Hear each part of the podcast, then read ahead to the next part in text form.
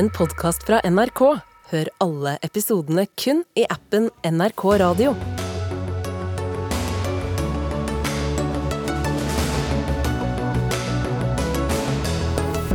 Et nytt matkastutvalg skal bidra til å redusere matsvinnet vårt med 50% innen 2030. Da må en lovregulering til, krever framtiden i våre hender.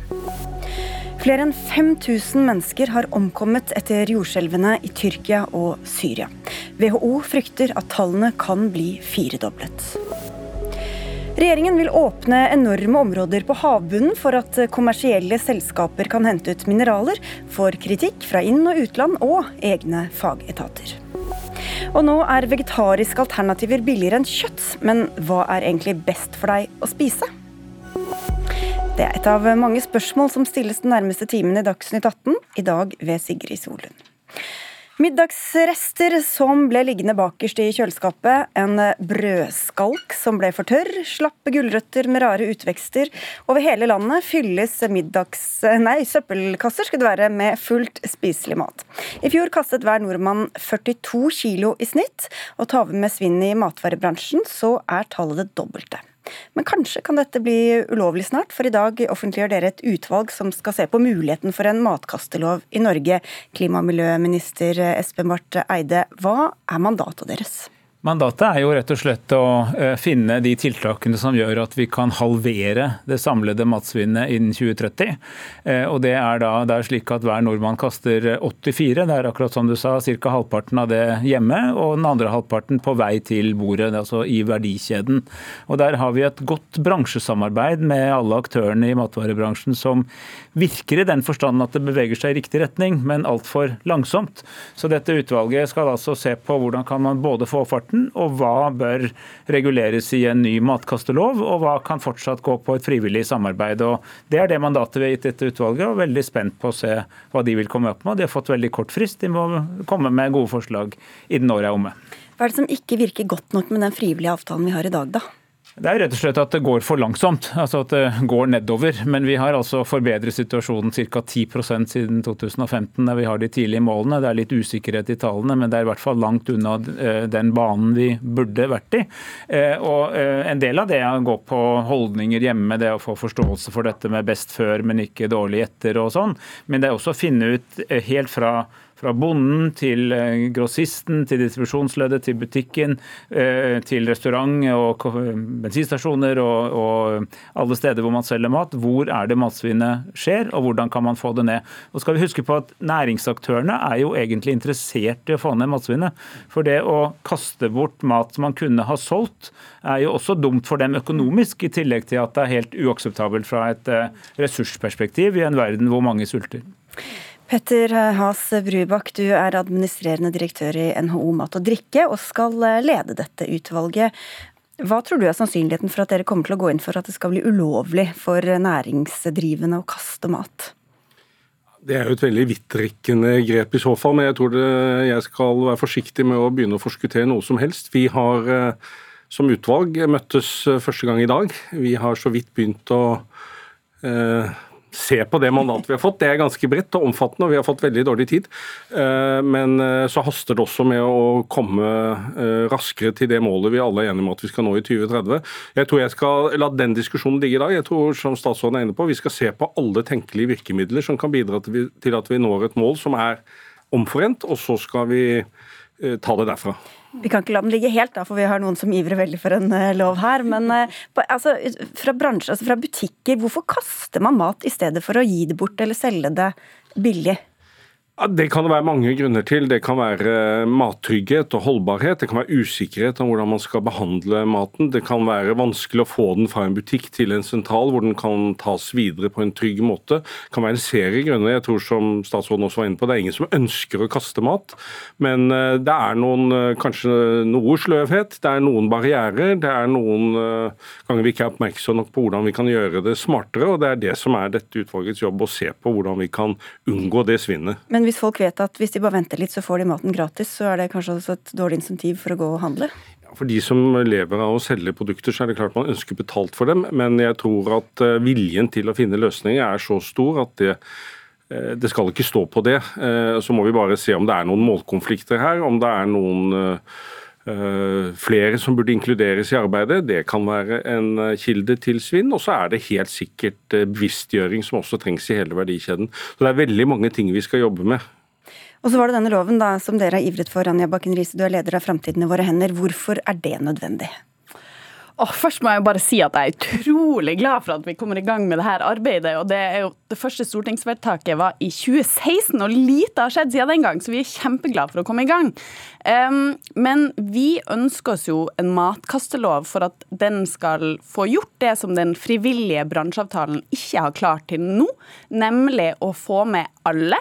Uh, og få kutta uh, matsvinnet effektivt uh, og raskt nok til en halvering innen 2030. Og det er jo et eller annet Altså, Hvis det hadde vært sånn at det lønna seg, at det var helt åpenbart at det lønte seg for alle i kjeden å ikke kaste mat, så hadde de jo ikke gjort det. Altså, vi hører jo fra dagligvare at de eh, har små marginer.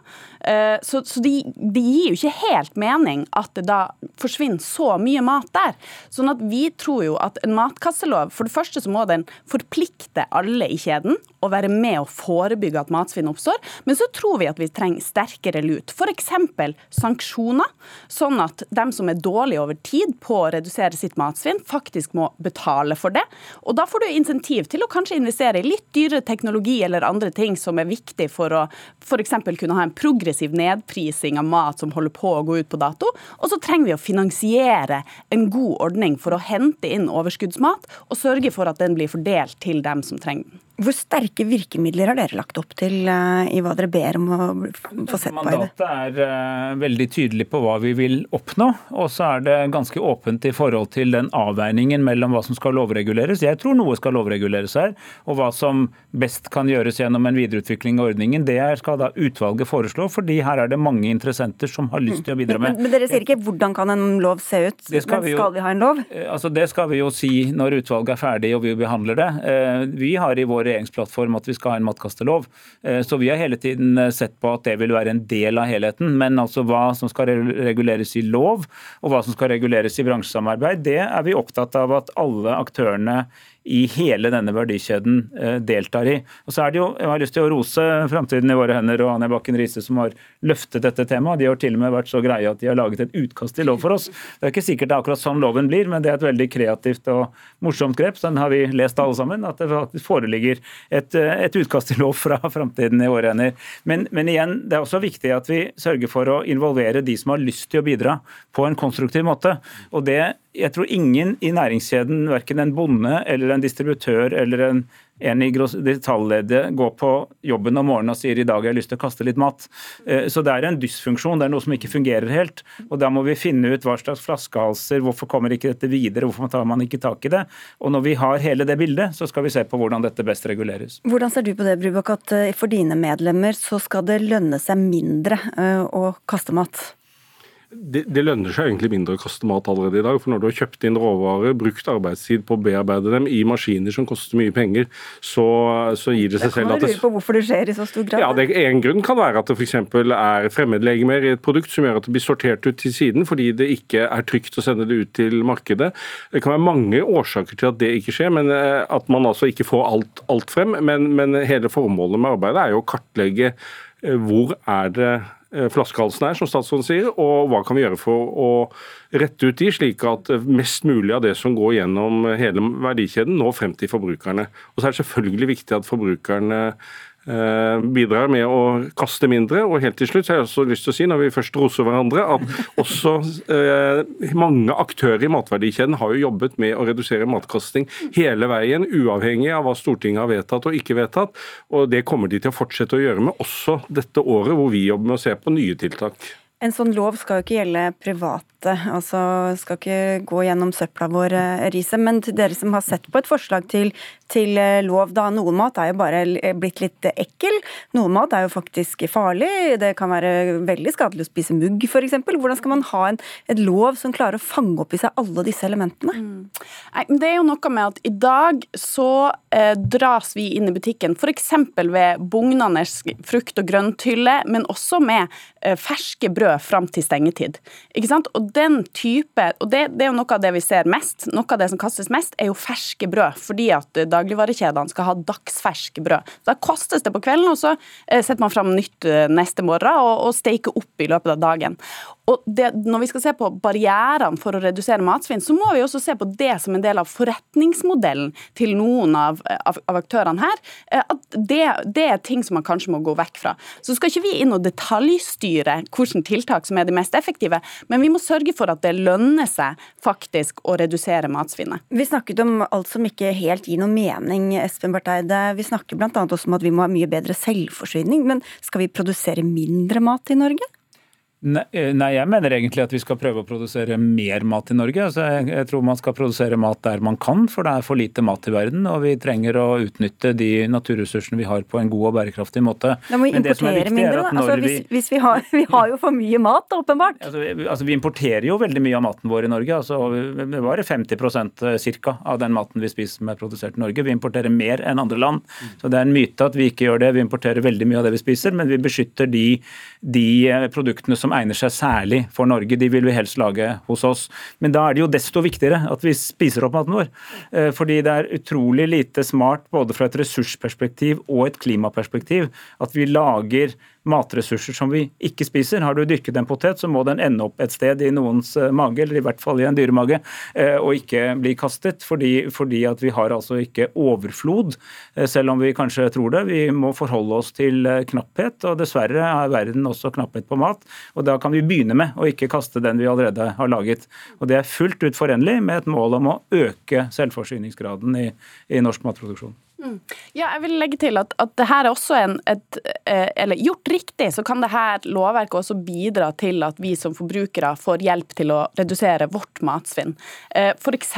så kan det føre til at vi får mer mat i løsvekt. Det kan gjøre til mindre forpakninger, eh, færre, færre type tre for to tilbud, men mer kanskje bare tilbud på en enkelt vare. At man ikke må kjøpe mye for å få et godt tilbud. Eh, så, så, jeg tror at det er en del ting her som også kan hjelpe oss forbrukere til å redusere vårt matsvinn. I vårt forslag til matkastelov så ligger det også inne eh, finansiering av informasjons- og holdningskampanjer ut mot forbruker, som kan gi gode råd om å bruke de brune bananene til eh, bananpannekake, eller hva du skal bruke det tørre brødet ditt til. Eller Brubakk, bare sånne gratis bananer til alle sultne barn som er med foreldrene i butikken. Sånne enslige som blir liggende der uansett. Det må vi sikkert kunne snakke om. Jeg er ikke helt sikker på om det er der den viktigste løsningen ligger, men eh, på matvett.no som er Du roser alle andre, men ikke, ikke programlederen? Nei, men du kan gå på matvett.no og finne gode oppskrifter på hvordan du bruker både brune bananer og andre ting som nærmer seg sluttdato, så, så mulighetene er til stede hvis du vil. Det er en god idé, Sigrid Solberg. Tusen takk, takk, takk, takk. Likevel så må dere gå. Eh, Anja Bakken Riise skal få sitte videre til et beslektet tema. Dere får jobbe i vei. Takk skal dere ha.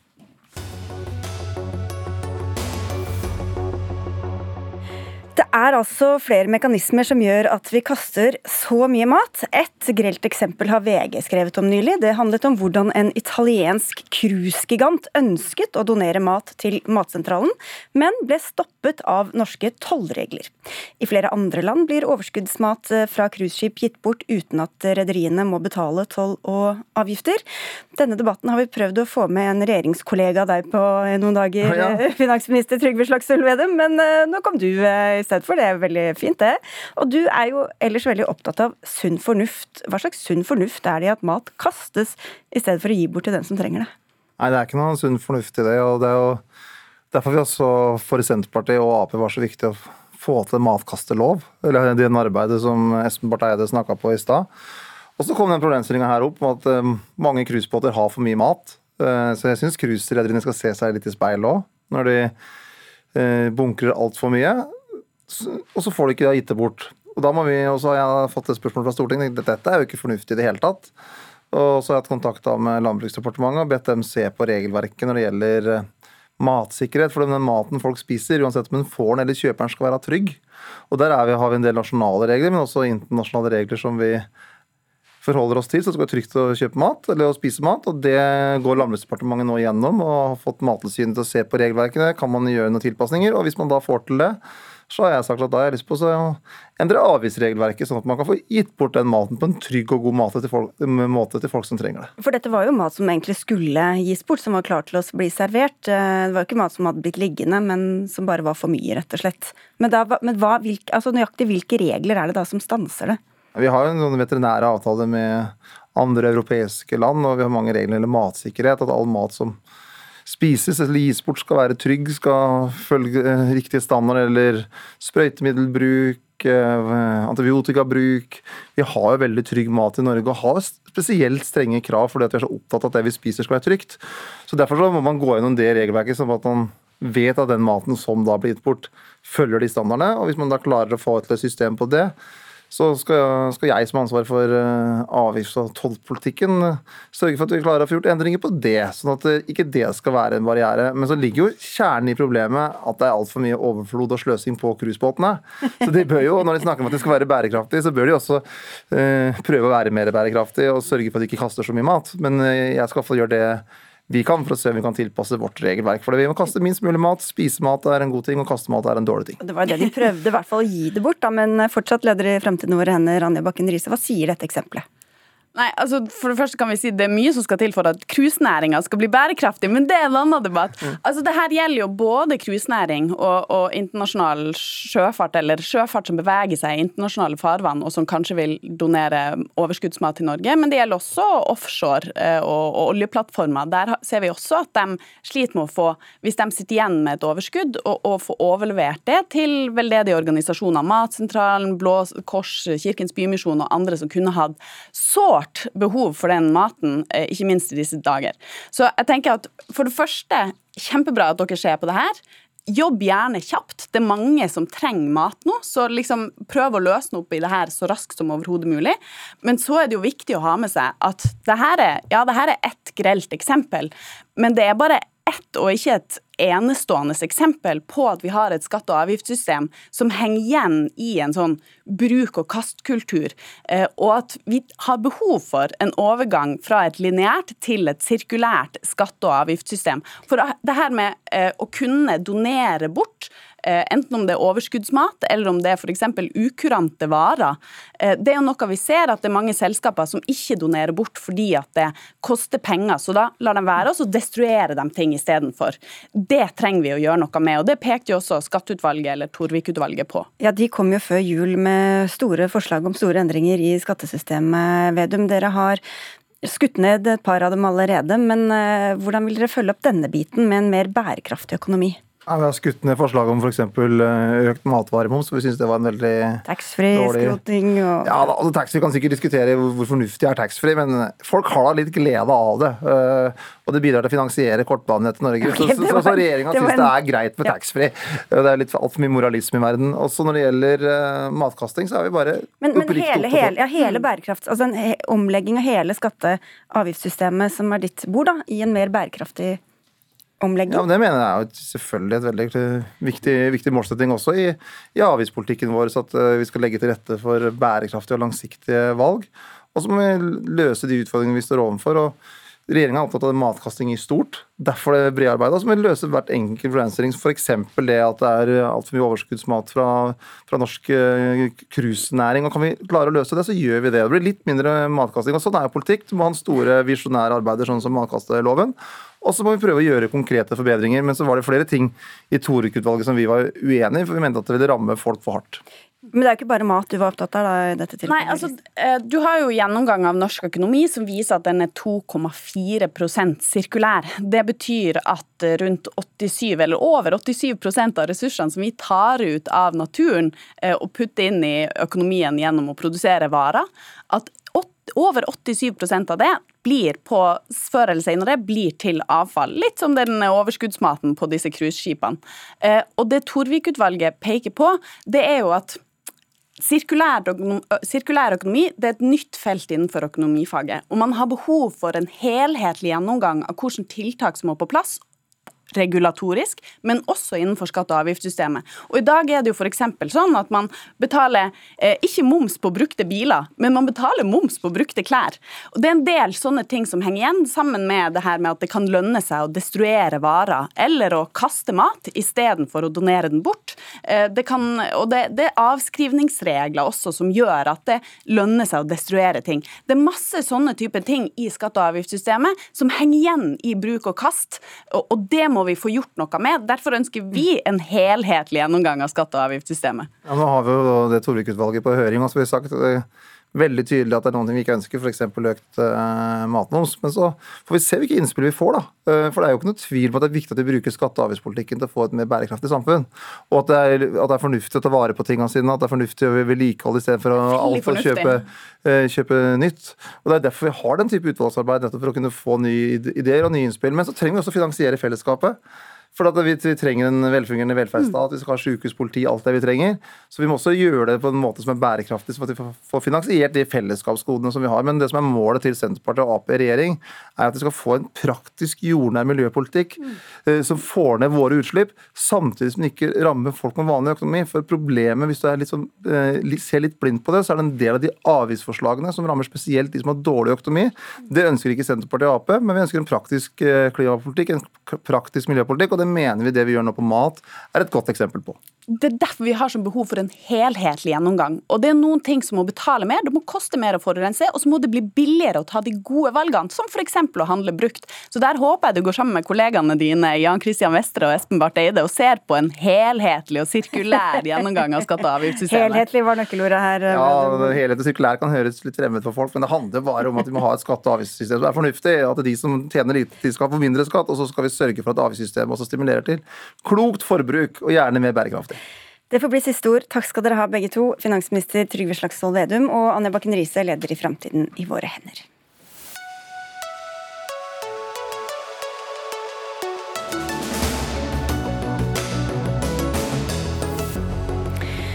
Flere enn 6200 mennesker er nå døde etter jordskjelvene i Syria og Tyrkia natt til i går. Til tross for minusgrader og snø har mange tilbrakt natten utendørs i frykt for nye skjelv. Tyrkias president Recep Erdogan erklærer unntakstilstand i ti byer i tre måneder etter skjelvet. I Syria er minst 1600 personer døde.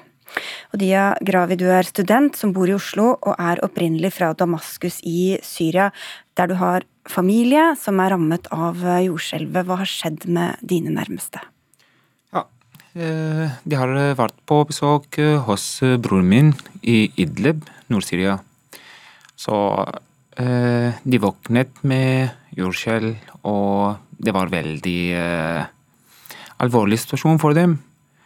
Jeg har mistet søskenbarnet mitt. Han er 13-åring. Eh, tre venner. En av de vennene er eh, fortsatt under jorda med tre barn og kona si.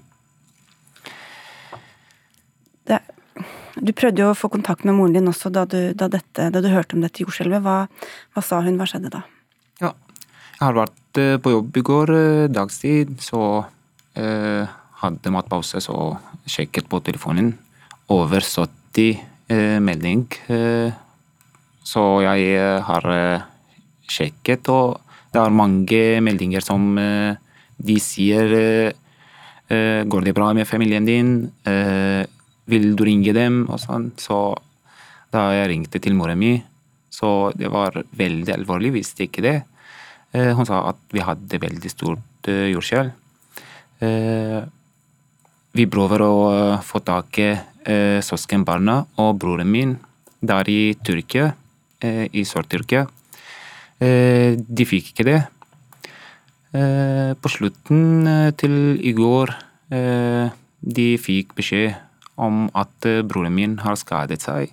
Han var veldig sjokkert, så han måtte hoppe fra første etasje ned da den skjedde.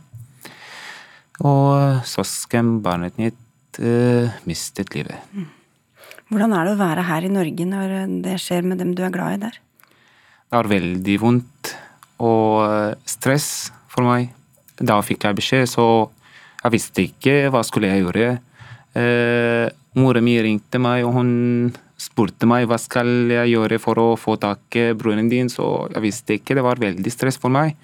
Jeg ønsket meg å være der for å hjelpe dem. Eh, jeg, kan, jeg kunne hjelpe dem for å roe deres ned. I dag de fikk lov for, av faren min for å gå inn hjemme igjen. det var veldig bekymring. Mm. jeg har snakket med broren min, han er elleve år. Så han, han, spurte meg ja, Dia, jeg vil bare spørre deg en ting. Er det greit hvis, eller hjelper det med et glass vann på bordet? Så hvis den rister, da vi kan ramme ut av hjemmet.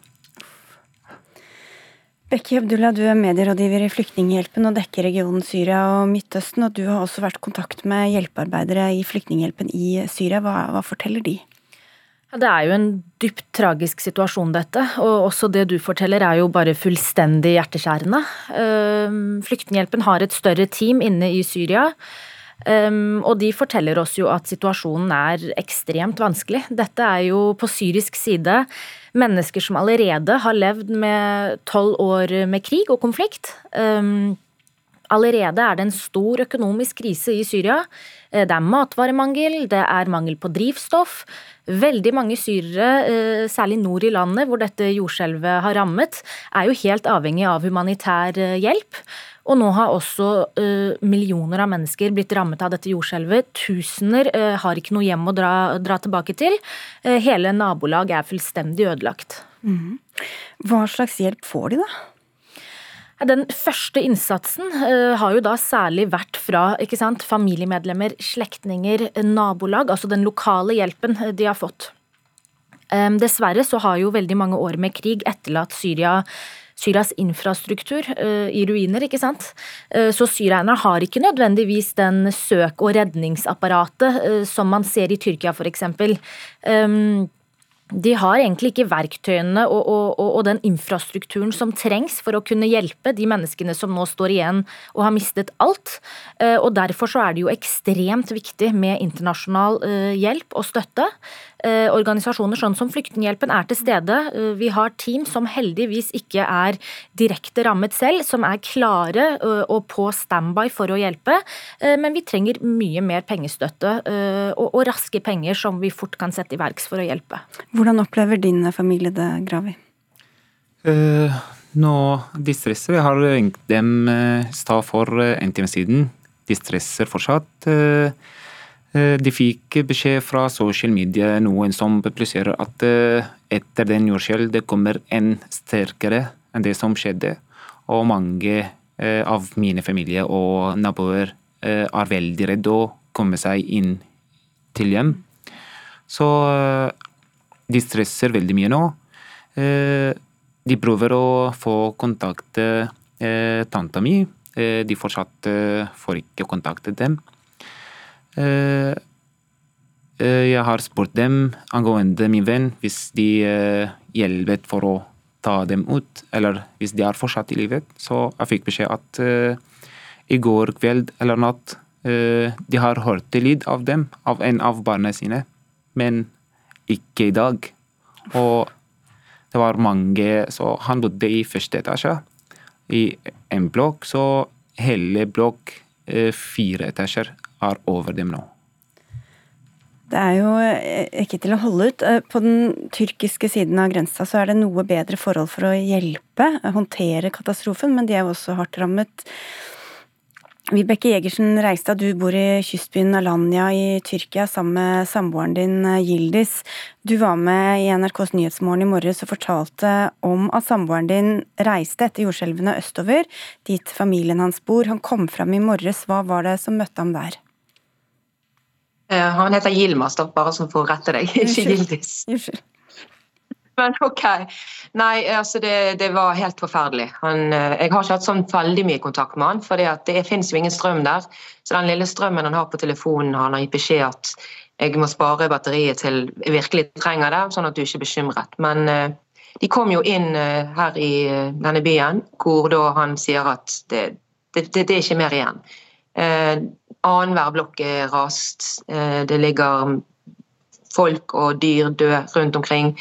En av de første tingene som møtte han var at de tok ut en kamerat av han fra, fra hjemmet sitt som lå i ruinene, som var død. Det fins ingenting som er åpent. De får ikke engang kjøpt brød. Når han endelig kom seg hjem til familien, til mor og far og søster, så de de kan ikke gå inn i huset, selv om huset står fremdeles. er det mye sprekker, og de har ikke lov til å gå inn. For de har jo sagt at det kan komme masse flere etterskjell. Eh, men de har da laget seg et sånt telt med, med, fra et hønsebur. Eh, hvor de har da eh, ved og fyrer og sitter på noen plastikkstoler der. Så det er jo ja, det er helt forferdelig. Ja, For det er jo veldig kaldt også. Samboeren din han er vel psykolog. Hvordan takler han situasjonen? Hvordan takler de andre da?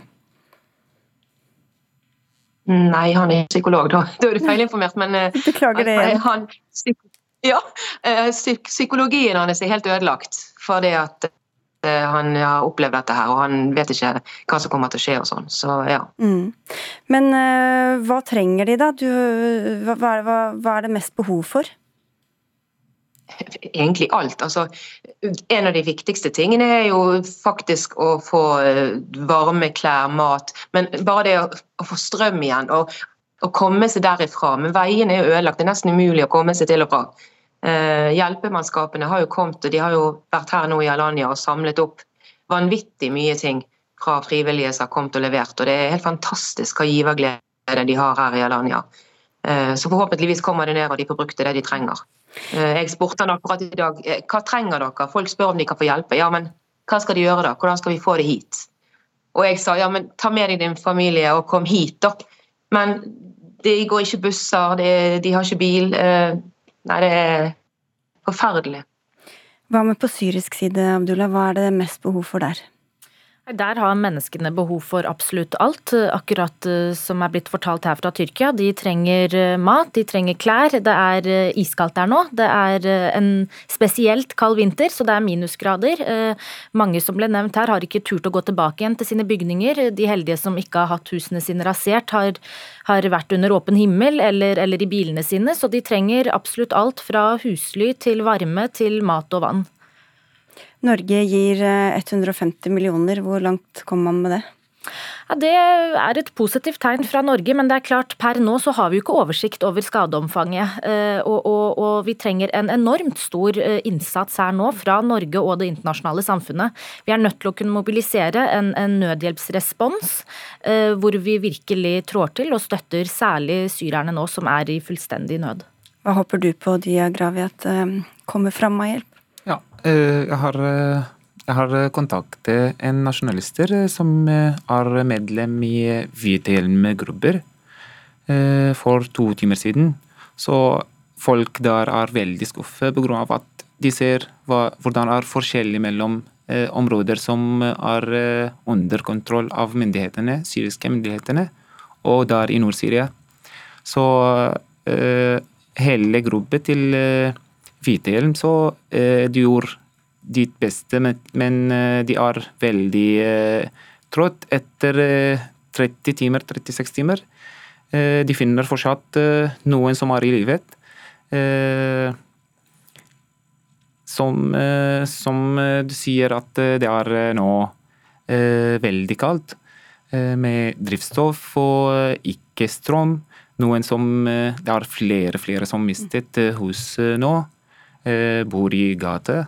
Eh, noen av dem har stress å komme tilbake, fordi eh, etter uskjell det blir et veldig dårlig hus, og vi vet ikke, eller de vet ikke hvis dette huset skal støtte dem, eller det blir rammet over dem. Mm. Vi får bare håpe og si tusen, tusen takk for at dere var med i Dagsnytt 18, alle tre.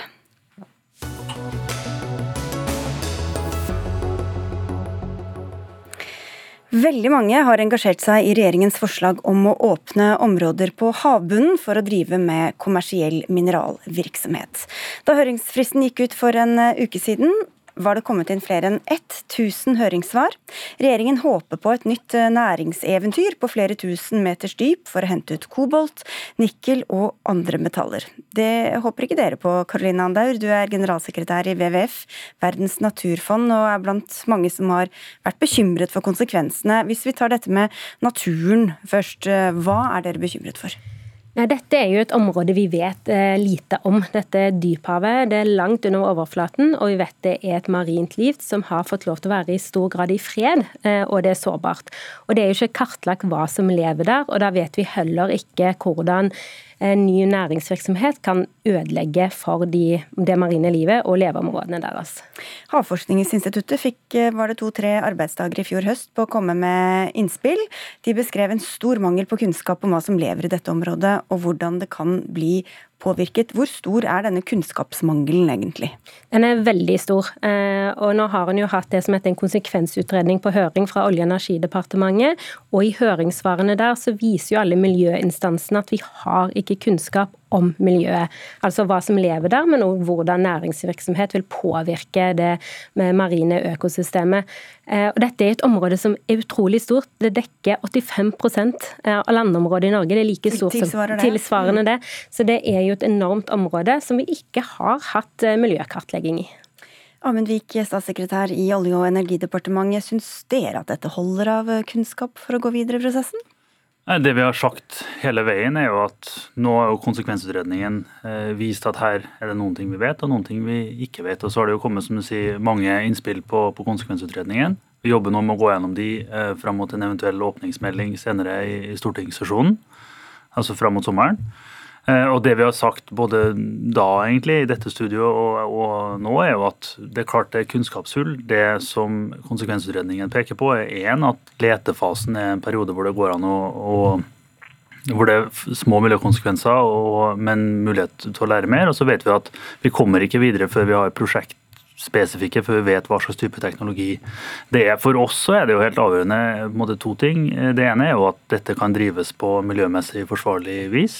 Eh, og at det er lønnsom, den, den næringen som kommer ut av dette. Og det er klart, Hvis vi nå både gjennom det arbeidet vi har gjort fram til nå, og gjennom det eh, arbeidet som skal gjøres prosjektspesifikt også av mer industrielle aktører i fortsettelsen, hvis vi da finner at svaret på kan det drives miljøvennlig er ja, så kan det bli en spennende framtidsnæring. Hvis ikke, så gjør vi jo ikke dette. Men Miljødirektoratet er veldig tydelig. De sier at denne utredningen, konsekvensutredningen ikke gir beslutningsgrunnlag for å åpne, at den viser vesentlige kunnskapsmangler, mangler vurderinger om hvordan dette kan skje, og lovens krav ikke oppfylles. Hva sier dere til den attesten? Nei, Det vi sier er at uh, vår vurdering er uh, at det er viktig å slippe til andre aktører enn bare de som har holdt på nå, for å få vurdering av hva slags type teknologi ville være aktuelt, gitt ressursbasen som er der. Hvordan vil miljøkonsekvensene bli? Akkurat nå vet vi jo ikke, det er jo en helt ny næring. Vi vet ikke hvilke type teknologivalg som vil være aktuelle på, på det dypet, og da dermed heller ikke hvilke miljøkonsekvenser det vil ha. Men det er jo ingen nå som snakker om at vi som tut og kjør, og nå skal alle ut og ta opp dette. Det dreier seg om å se når vi vet mer om hvilken teknologi som eventuelt vil være aktuell, vil det da være A eh, miljømessig forsvarlig og, og B eh, lønnsomt. Og da må man kanskje lete litt først, da, Ander, for å finne Nei, ut av det? det må man ikke. For først må man jo kartlegge miljøet uavhengig av hvilken teknologi som skal brukes. Og det er jo det konsekvens... Eller tilsvarer høringen fra Miljødirektoratet sier, at i konsekvensutredningen nå så har en ikke oppfylt eh, de kravene som ligger i en utredning. Altså en skal se på helhetlig miljøavtrykk og kartlegge, kartlegge og miljøforekomsten i områdene. Eh, så det som er veldig tydelig nå, at det har en ikke gjort. Eh, og da kan en heller ikke gang, gå i gang med å lete og overlate det ansvaret til kommersielle aktører. For én ting er å lete og så åpne, men kan heller ikke lete på en forsvarlig måte nå når vi ikke har kunnskapen om det som lever der, og hvordan det påvirkes av leteaktivitet. Nei, jeg tenker det, det, vi, det, som må uh, skje nå, er jo at vi må, må, jobbe videre med den tematikken. Det som vi har i hvert fall sett, er at nå, nå har vi for det første fått inn 1000 høringssvar til, til denne Eh, konsekvensutredningen. De må jo gjennomgås, og så må vi jo jobbe med dette framover mot en eventuell stortingsmelding. Men det er klart at det å få flere aktører inn som vet mer om hvilken teknologi det vil være, ikke minst da, basert Nå kommer jo Oljedirektoratet med en ressurskartlegging eh, 27.1, som også viser et stort potensial. Men det er jo ikke uvesentlig hvor i området. Det er jo som ble sagt her et veldig svært område. Så hvor, hvor, man starter å se hvilke teknologier kan det være, og kan det drives miljøvennlig. og det, Da trenger vi å komme et steg videre i prosessen for å, for å, få ordentlig svar på det. Men hvis vi ser på det kommersielle, Equinor de har sagt at de er negative. Selskaper som Volkswagen, Renault, BMW, Volvo har sagt at de ikke vil bruke metaller fra havbunnen. Det samme har Google, Samsung. Hvorfor tror dere da at dette er noe Norge kommer til å tjene masse penger på? Det vi vet er at Det grønne skiftet vil drive fram en voldsom vekst i etterspørselen etter ganske mange både mineraler og, og kritiske metaller.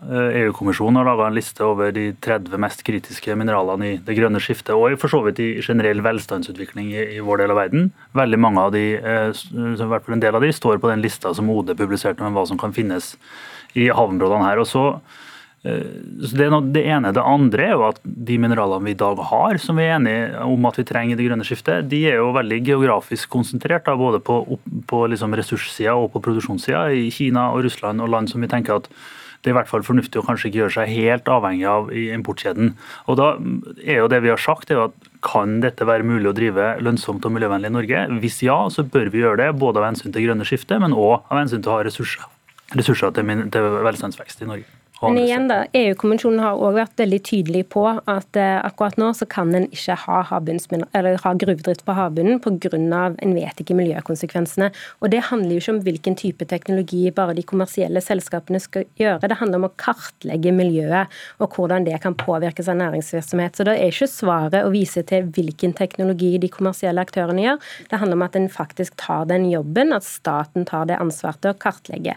Og så har en jo hatt en, en utrolig hastighet på dette åpningsprosessen. og Den arva jo denne regjeringen fra forrige regjeringen Solberg, som satte i gang dette forhasta løpet. og Allerede da, i 2021, når dette ble, en sa at konsekvensutredningen skulle lages, så pekte Miljødirektoratet, Klima- og miljødepartementet på at denne tidslinja det er ikke realistisk. Men Hvordan skal man få alle nullutslippsteknologien, alle batterier osv. uten disse metallene, da? Ja, dette er jo mineraler som tidligst kan komme mellom 10 til 15 år. og Vi trenger jo de kritiske mineralene nå til det grønne skiftet. Så Én handler om å intensivere sirkulærøkonomien, sette klare regler på hvordan man kan gjenbruke de mineralene som allerede er i omløp.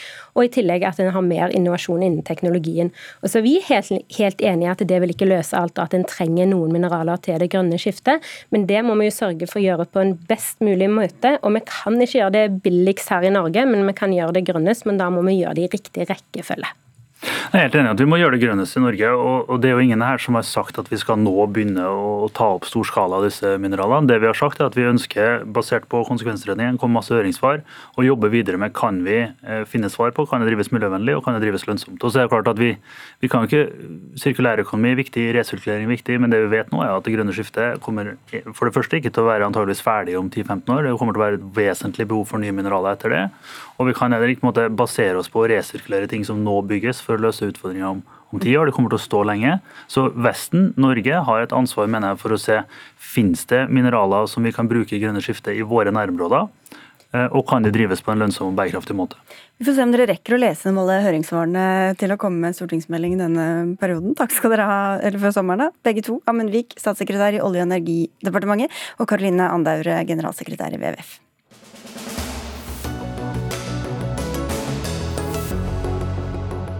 Vi må tenke helt nytt i helsevesenet i årene som kommer. Det var en av hovedkonklusjonene fra Helsepersonellkommisjonen, som la frem rapporten sin for få dager siden.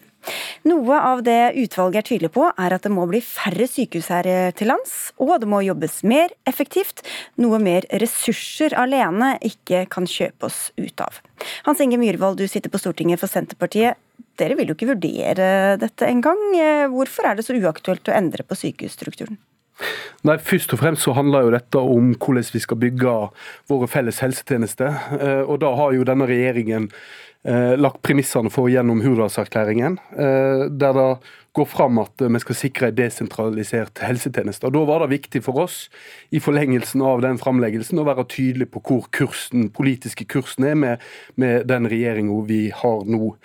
Og, og, og, så er det jo sånn at Når det kommer til strukturspørsmål, så er jo det, eh, det viktigste vi skal diskutere da, det er jo hvordan vi skal eh, rigge tjenestene på en best mulig måte nær der folk bor. Da er det avgjørende for oss. Hva er poenget med en kommisjon hvis dere bare skyter ned det de sier med en gang? Nei, Jeg mener at jeg tar kommisjonsleder på alvor. Han sa jo at nå må vi bredde ut laget. Han viste til en pyramide som var eh, flott, eh, som viste nettopp at eh, Og underbygger det Senterpartiet har meint over lang tid, at vi må ha en desentral eh, struktur når det kommer til helsetjenesten. Men han sa også at det måtte være færre sykehus, Tone Trond. Du sitter på Stortinget for Høyre.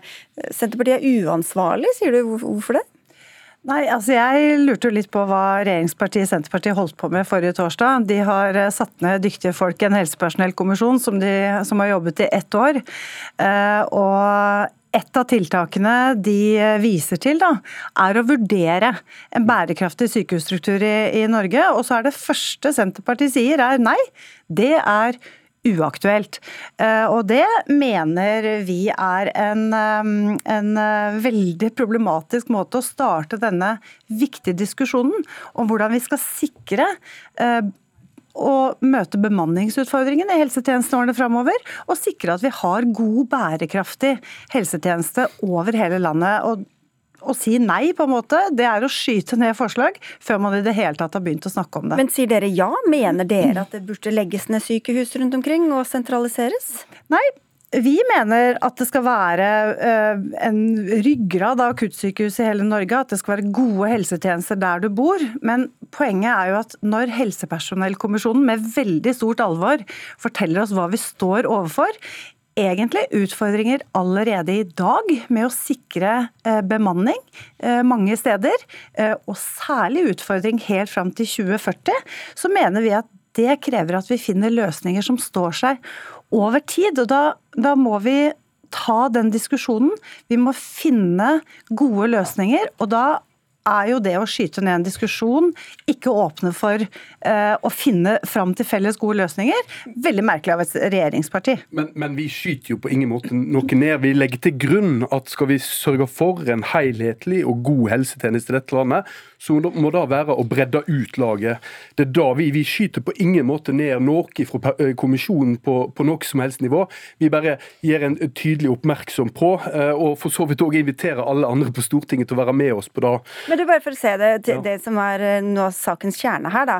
Jo flere avdelinger man har, eh, desto flere må det være ansatt også, fordi alle trenger en grunnbemanning. ikke sant? Må være et visst menneske, antall mennesker på jobb.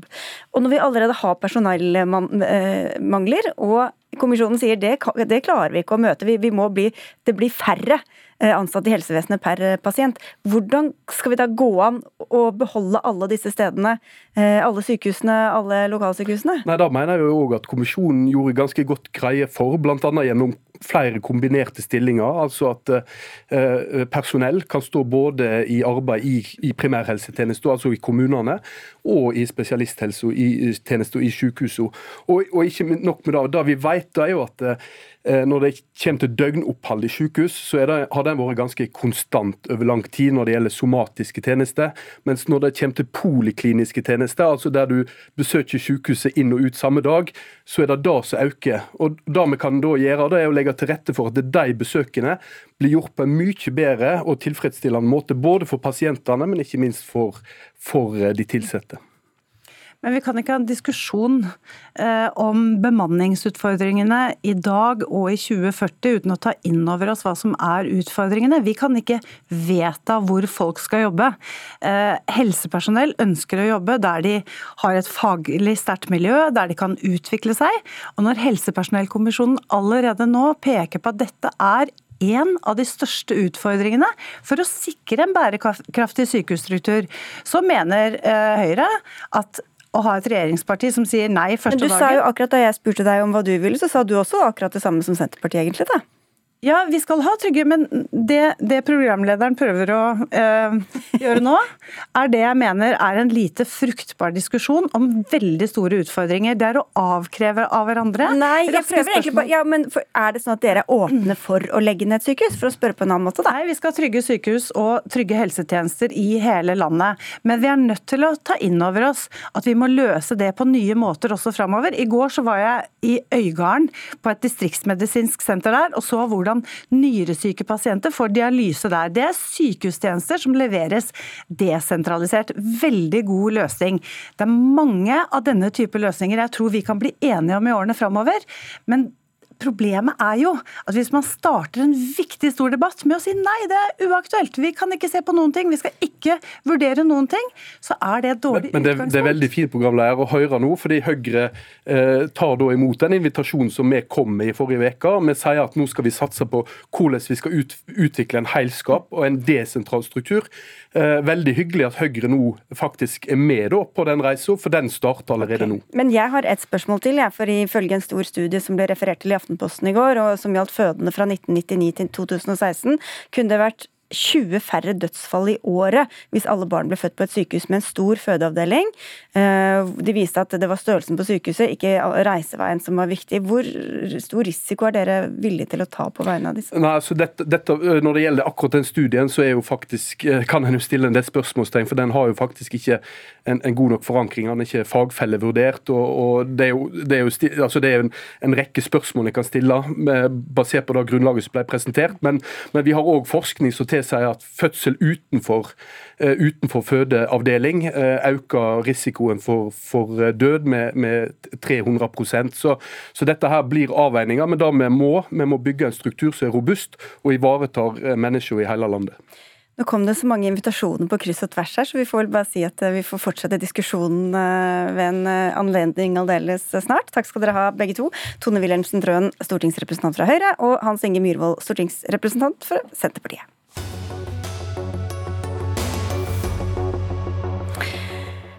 Kjøtt er blitt dyrere, og kjøttpålegg og kjøttdeig koster nå mer enn de veganske og vegetariske produktene som mange bruker som erstatning. Nasjonen har plukket ut noen utvalgte kjøttprodukter som i 2021 var 122 kroner billigere enn alternativene, altså disse som ligner. Nå er produktene til sammen 18 kroner dyrere. Birgit Svius, du er professor i ernæring ved Norges miljø- og biovitenskapelige universitet. Og du ble bedt om å sammenligne disse produktene. Hvis det bare er ernæringsinnholdet som teller, hva bør vi velge? Nei, altså de animalske produktene har jo en bestemt rolle i kostholdet. De inneholder proteiner og noen vitaminer og mineraler. Um, sånn at de, når, når de, de, erstatningene, de vegetabilske erstatningene, de bør jo, syns jeg, prøve å etterligne den ernæringsmessige sammensetningen av originalen. og da, da Det gjorde de ikke. Det var veldig store forskjeller. Noen av de har veldig lite med det de skal etterligne å gjøre rent ernæringsmessig. Blant annet med mye karbohydrater, mye metafett og lite proteiner, f.eks. Så jeg ville si at hvis man skal, hvis man skal kutte kjøtt, så ville jeg heller valgt å gå for altså, andre produkter enn akkurat de som skal erstatte disse kjøttproduktene. Bønner f.eks., eller erter og den typen ting. Men for mange så er jo det et litt større sprang enn å ta noe som ligner litt, enten det er pålegg eller det er vegetarfarse. Tanja Kaltsjenko, du er lege og leder i Lege- og ernæringsforeningen, og jobber for at flere skal få øynene opp for et plantebasert, eller i hvert fall mer plantebasert kosthold. Ja. Hvis vi holder pris og klima og dyrevelferd utenfor akkurat nå, hva er det sunneste å velge? Skinke eller noe som bare ligner på skinke? Det er definitivt, definitivt sunnest å velge noe som ligner på skinke. Fordi akkurat når det gjelder skinke, så er skinke, salami og andre ferdigprodukter som finnes i norske butikker, de er kategorisert og klassifisert som bearbeidet kjøtt og er anerkjent av både Verdens helseorganisasjon, Harvard-universitet, Norsk kreftforening og USAs kreftforening og flere andre store anerkjente fagmiljøer som sikkert kreftfremkallende. Og de frarådes, Norsk kreftforening f.eks. fraråder å spise bearbeidet kjøtt. Så jeg, for helse, helsemessig, jeg ville absolutt også sammen med, på lik linje med Kreftforeningen fraråde å spise ferdigprodukter av kjøtt, bl.a. skinke. Mm. Men når det er sagt, så denne, jeg vet ikke hvilke kriterier nasjonen eller Birger Svihus som brukte når de valgte disse produktene de gjorde, som de sammenlignet med kjøttprodukter.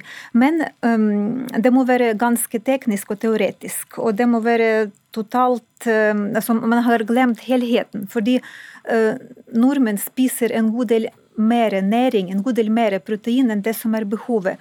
Og det er viktig å skille mellom um, dagens inntak av næringsstoffer og behov, hvor mye protein f.eks. menneskekroppen behøver. Ja, fordi Det var litt det du var inne på i stad. at Mange spiser jo altfor mye kjøtt allikevel. Så da er det ikke den skinka eller den salamien som man trenger for å, for å få det behovet for proteiner.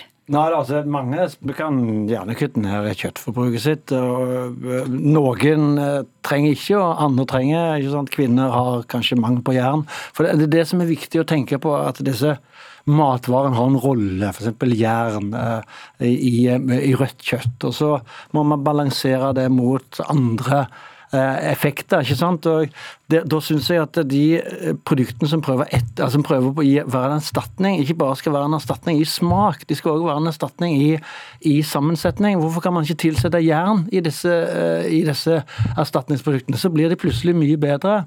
Og Dette er jo òg produkter som består av veldig sånn sterkt prosesserte råvarer, der mye av de viktige næringsstoffene er fjerna, og der det det er lite av verdi igjen. Så det blir på en måte eh, Jeg vil si at det, mange av de ligner mer på junkfood enn de ligner på noe som erstatter. Men, men, det er ikke alle som er sånn. Altså, det finnes absolutt eh, erstatninger som, som gjør forsøk på å ligne mer, men, men, eh, men, det syns jeg de gjør det for dårlig, rett og slett.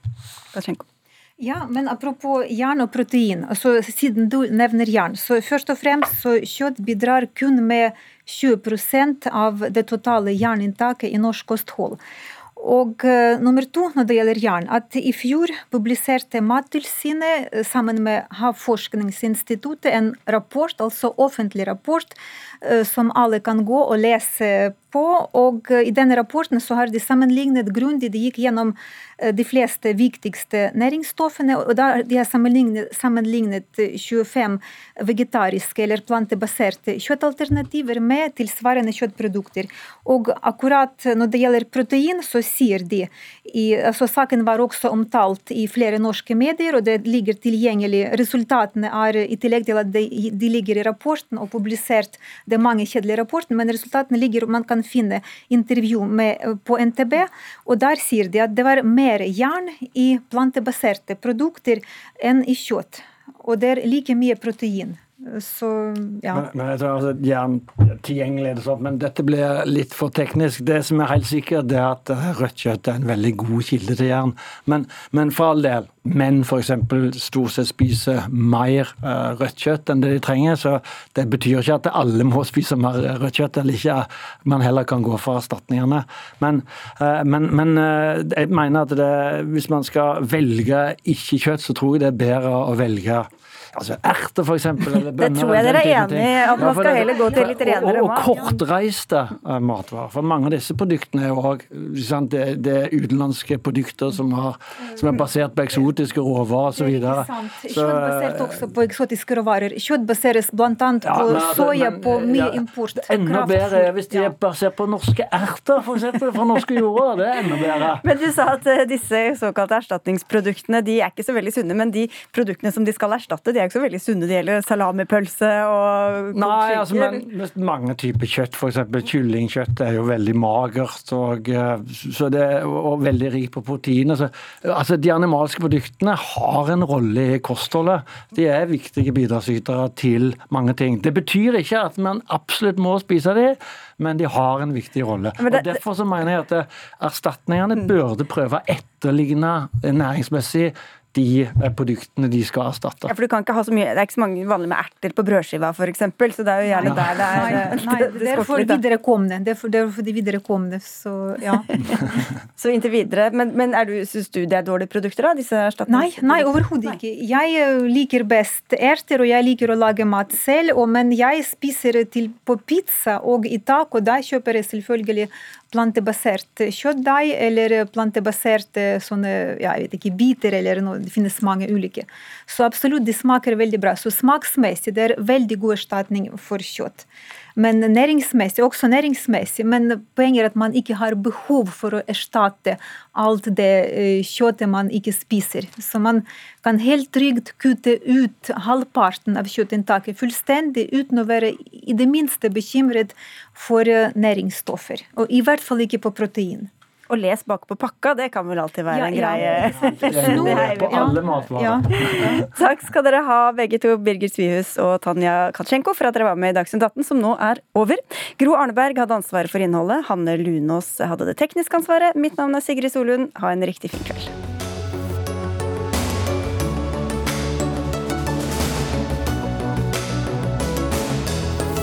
Du har hørt en podkast fra NRK. Hør alle episodene kun i appen NRK Radio.